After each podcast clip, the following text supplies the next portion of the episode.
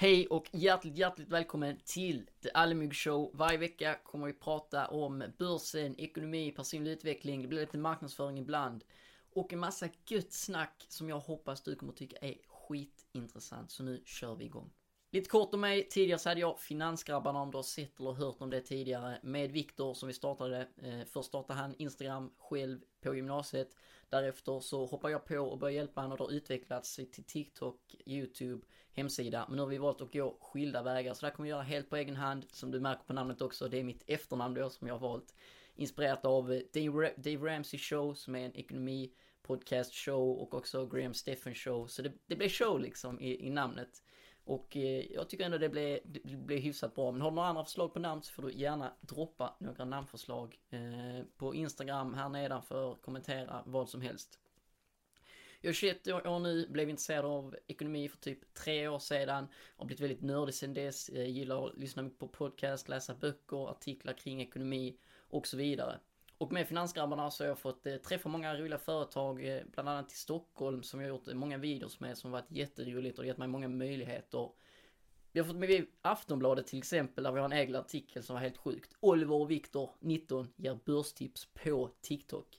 Eh, sen gillar jag sport väldigt mycket. Om du ser på den här videon så har jag tagit fram en fin bild på mig själv där jag ser lite eh, smått halvärg ut typ, eh, som är foto där jag är för Lågan som är handbollsklubben som jag spelar lite handboll i. Så kollar jag också mycket på Formel 1, eh, fotboll och eh, handboll på fritiden. Vad kommer den här podcasten att handla om? Eh, jag kommer stjäla som en artist och eh, om du ser på den här videon nu så har vi den här Still Like an Artist, kom från en bok som jag nyligen läste. Så jag kommer dela det allra bästa, stjäla det allra bästa som jag lär mig från böcker kring ekonomi främst, lite personlig utveckling också, podcast, artiklar och så vidare. Och så kommer jag försöka förmedla det på ett så enkelt sätt som möjligt till dig som lyssnar på saker som jag har lärt mig väldigt mycket av. Och oavsett investeringsstrategi så kommer det vara väldigt gynnsamma saker. Jag kommer prata en hel del om psykologi som jag tycker är väldigt viktigt på börsen och överlag i livet. Men också mycket olika ämnen som eh, liksom man tar till sig. För man kan lära sig från väldigt många olika ställen för att bli en bättre människa och investerare. Och eh, målet är liksom att vi ska lära oss eh, massvis tillsammans, basically. Och eh, det kommer inte vara en marknadsaktuell podcast. Jag kommer komma in strax på hur jag investerar. Så vi kommer inte prata om kvartalsrapporter och hur påverkar räntehöjningen, bla bla bla kortsiktigt. För jag tror inte riktigt på att man ska hålla på med sånt som småspar för de allra flesta i alla fall. Så nu tänkte jag berätta lite om mina investeringar under 2022 och min investeringsstrategi. Basically så investerar jag i billiga, breda fonder med majoriteten av alla mina pengar. Och det här innebär att eh, om vi har en aktie, en del i ett företag är det, en aktie, så kan man investera i en fond där du har olika aktier samlade i en stor fin korg kan man säga. Och eh, de billiga fonderna kallas ofta för indexfonder eller passivt förvaltade fonder. Där, eh, likt vi har konsumentprisindex som försöker eh, se vad har vi för eh, inflation framöver som man samlat i olika varor som man tycker representerar, är rimligt att kolla på för inflationen. På samma sätt kan man bygga index för till exempel Stockholmsbörsen. Du vill ha ett index som representerar hela Stockholmsbörsen och sen kan du då ta det här indexet där du har kanske 200-300 svenska bolag och så kan du ha en fond då som följer de här och då får du en indexfond. Och du kan göra indexfonder för allt möjligt i princip. Och det är väldigt lite avgifter associerat med det här eftersom det inte är någon människa som behöver välja ut specifika aktier utan du köper bara från hela det här indexet. Och det här gör jag främst via fondroboten Lysa som inte är en robot direkt som gör massa magiska saker utan du svarar på några frågor och sen så kommer du att få investera i en portfölj av olika fonder från hela världen och så kommer de hjälpa dig att hålla den här balansen hela tiden. Så den stora robotdelen kan man säga är att till exempel Lysa så har du ungefär 40% USA, 20% Sverige och eh, lite andra eh, delar av världen också. Men om vi säger då att USA-marknaden går upp väldigt mycket så vill du sälja av en del av de amerikanska aktierna, fonderna, för att du vill ha rätt balans hela tiden. Så det är egentligen robotdelen skulle man kunna säga. Och eh, enligt mig så blir det inte enklare så här i nuläget. Så därför har jag majoriteten av mina pengar på fondroboten Lysa. Och jag är minus 10% där i år ungefär, som allting annat eh, ligger man ju minus. Det har varit ett väldigt tufft börsår so far. Jag har också eh, lite aktier, eh, Berkshire Hathaway, my boy Warren Buffett, en symbolisk B-aktie där i hans företag som är ett investmentbolag eh, i USA och Warren Buffett är en av världens kändaste investerare. Eh, jag har också lite fonder på eh, Eh, en sparplattform som heter Fondus som försöker sänka fondavgifterna. Jag kan prata mer om det i kommande videos, men majoriteten är på fondroboten Lysa och eh, det är lite som att eh, se färg torka. Det är skittråkigt, men jag tror det är väldigt bra på lång sikt. Och nu tänkte jag köra lite smakprov på vad podden kommer handla om, så här kommer tre tips, boktips inför hösten som jag tycker är jättebra. Och de ligger på lite olika nivåer. Och delvis så kommer den här podcasten handla om att jag berättar om de bästa sakerna jag lär mig från böcker. Så first out så har vi Still Like an Artist som jag tog upp innan. Och den här är väldigt bra eh, för kreativt arbete. Och det är lite av en blädderbok skulle man kunna säga som är skriven på ett väldigt enkelt sätt. Eh, lite som en fyrkant. Den ser inte ut som de vanligaste böckerna. Men den har väldigt många bra tips hur du som vill jobba med någon typ av kreativt arbete, om du vill vara kreatör på sociala medier, konst, rita eller annat, hur du kan tänka. För i början, som jag är, så jag är passionerad och gillar ekonomi. Men jag är långt från en expert. Så det bästa jag kan göra är ju att stjäla som en artist. Att jag får dela med mig av det bästa jag lär mig. Och sen längs vägen, när man har samlat tillräckligt mycket kunskap, så kommer du kunna bli en expert. För du har skapat så mycket erfarenhet. Det är bok nummer ett. Om vi går vidare till nummer två så har vi Så här blir du miljonär i hängmattan. Och det här är verkligen en superbra nybörjarbok för dig som kanske inte har börjat investera på börsen än. Eller om du har börjat investera men känner dig väldigt lost. Det är en jättetung bok eh, och en väldigt billig bok för den delen. Du kan låna den på ditt bibliotek säkert. Eh, toppenbok för dig som är nybörjarinvesterare. Går verkligen igenom de allra viktigaste sakerna för dig som vill börja investera. Men också vikten av att det finns mer än pengar i livet. Det handlar ju i slutändan om att använda pengarna till saker. Det är väldigt viktigt att komma ihåg. Liksom, pengar är ett medel för att skapa lycka. Du får ingen lycka av att bara ha en massa pengar på ditt bankkonto. Tycker jag är väldigt viktigt att eh, komma ihåg. Och nummer tre har vi The Psychology of Money. Och det här är en bok om psykologi kopplat till pengar som jag tycker är jätteintressant och som podden delvis kommer handla om. För jag tycker att det, man behöver prata ännu mer om psykologi kopplat till pengar, börsen och investeringar. Och det här är en bok eh, som finns på svenska också. Nu visar jag den engelska varianten som jag har läst. Men där finns en svensk variant också. Jag tycker den är ganska lättläst relativt till hur många böcker är. Och den här boken har sjukt många tidlösa exempel som är jättebra att tänka på nu under en börskrasch till exempel. Kopplat med psykologi och pengar. För i viss mån så är vi vår egen största fiende på börsen. Du sätter själv gränserna för vad du kan uppnå genom att du får panik kanske och säljer av eh, under den här börsnedgången som vi har sett. Till exempel ett citat som kommer från Napoleon, eh, härföraren från Frankrike som boken har med i sina inledande sidor som jag tycker är jättebra som jag tänkte läsa upp nu att tänka på under börsnedgången.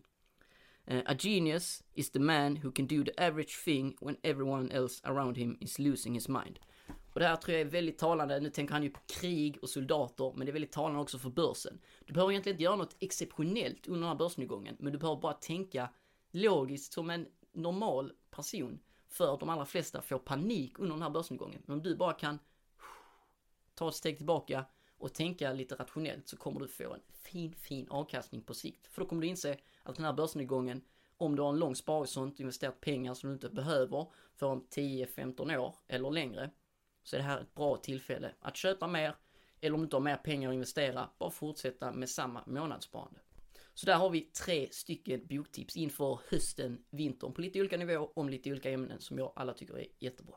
Och nu har vi kommit till ett stadie i podden som jag tänkt kalla för veckans psykologiska fälla. I det här lilla korta avsnittet på en minut så hade jag tänkt berätta om en psykologisk fälla, bias som man ofta säger på engelska, som vi som investerar men också personer i det stora livet utsätts för. Och genom att vara medveten om det här så tror jag att du kan bli en bättre investerare och människa overall. Och idag tänkte jag prata om förlustaversion. Det är känt från studier att vi människor om vi till exempel säger att vi skulle vinna 100 kronor på kasino. Wow, vi blir glada. Men om vi istället skulle förlora 100 kronor så tar vi den här förlusten mycket hårdare emotionellt än en vinst. Och det här är då förlustaversion. Vi har en tendens att vilja undvika förluster i större grad än vad vi gillar vinster. Och det här kan man se på börsen. Till exempel så har du kanske en aktie som gått ner 50%. Din analys var kanske dålig eller någonting annat som har hänt som kanske gör att det är kanske det rimligaste är att sälja av aktien eftersom eh, det har kanske kommit speciella nyheter som gör att utsikten för företaget är väldigt dåligt. Men du vill ändå inte sälja för du vill inte gå med förlust. Men ibland måste du cut your losses and let your winners ride så att säga. Du måste inse ibland att du har haft fel och ta en förlust innan den kanske ökar ännu mer. Så det här är en bra sak, kanske du kan komma på dig själv ibland, ja ah, men det här är ju förlustaversion, det är min psykologi som talar, att du kanske kan börja tänka lite rationellt. Ibland måste man ta en förlust, jag hade fel, eller du kanske inte hade fel, men sen händer något väldigt exceptionellt som gör att du måste omvärdera din, ditt investeringsbeslut. Och då måste du kunna ta en förlust. Så förlustaversion kanske du kan tänka på och så kommer du på dig själv snart när du är i ett sånt scenario.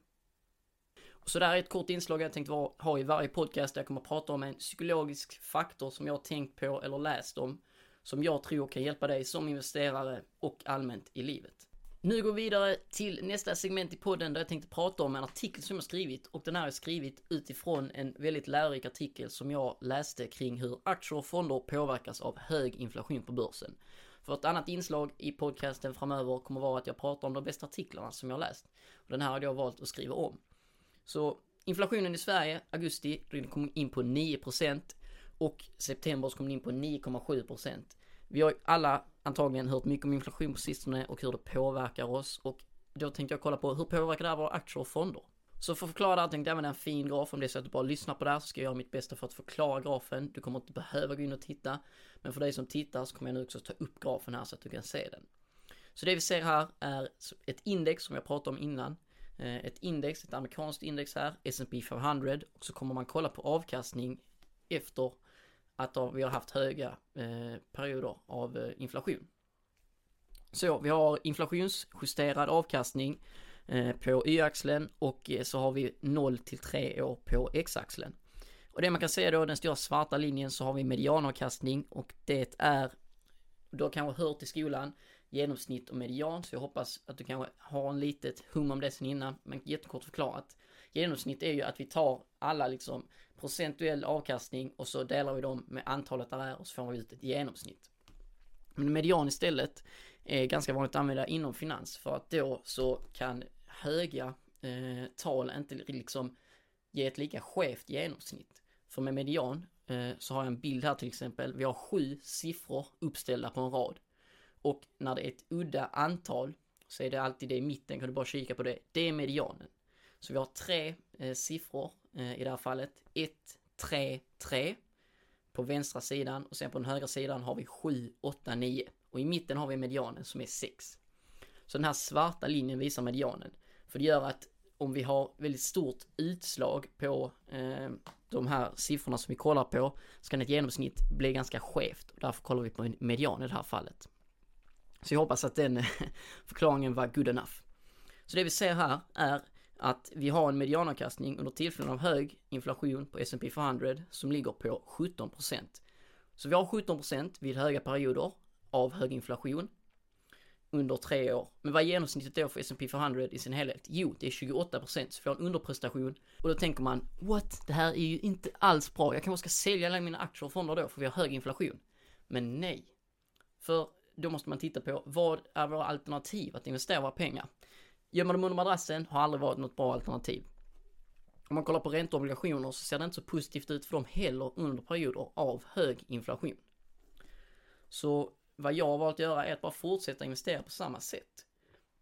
Och eh, den här då, grafen och eh, som jag byggt här på kommer från artikeln Think outside the portfolio. Här kommer ännu ett boktips som blir Just Keep Buying för personen som har skrivit den här artikeln och också skrivit boken Just Keep Buying som jag tycker är jättebra kring mm, hur du kan tänka med investeringsstrategi, pengar allmänt i livet och han har en jättebra hemsida där han publicerar en artikel varje tisdag.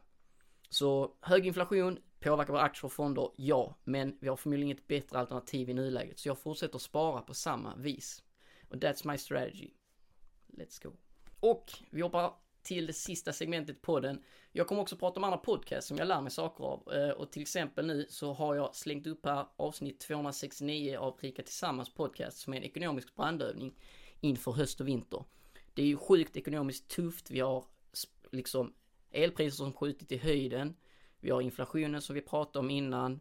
Och det blir liksom, det har blivit knapert på många olika sätt för eh, svenska hushåll oavsett ekonomi. Vi har ju räntor som höjs också och det påverkar ju bolåneräntor. Om du känner att du behöver ta ett grepp om din ekonomi inför vintern eh, så, eller om du har pratat med dig om dina föräldrar så rekommenderar jag det här podcastavsnittet som har många bra konkreta tips som du kan ta till dig för att eh, förbättra eh, din ekonomiska situation inför vintern.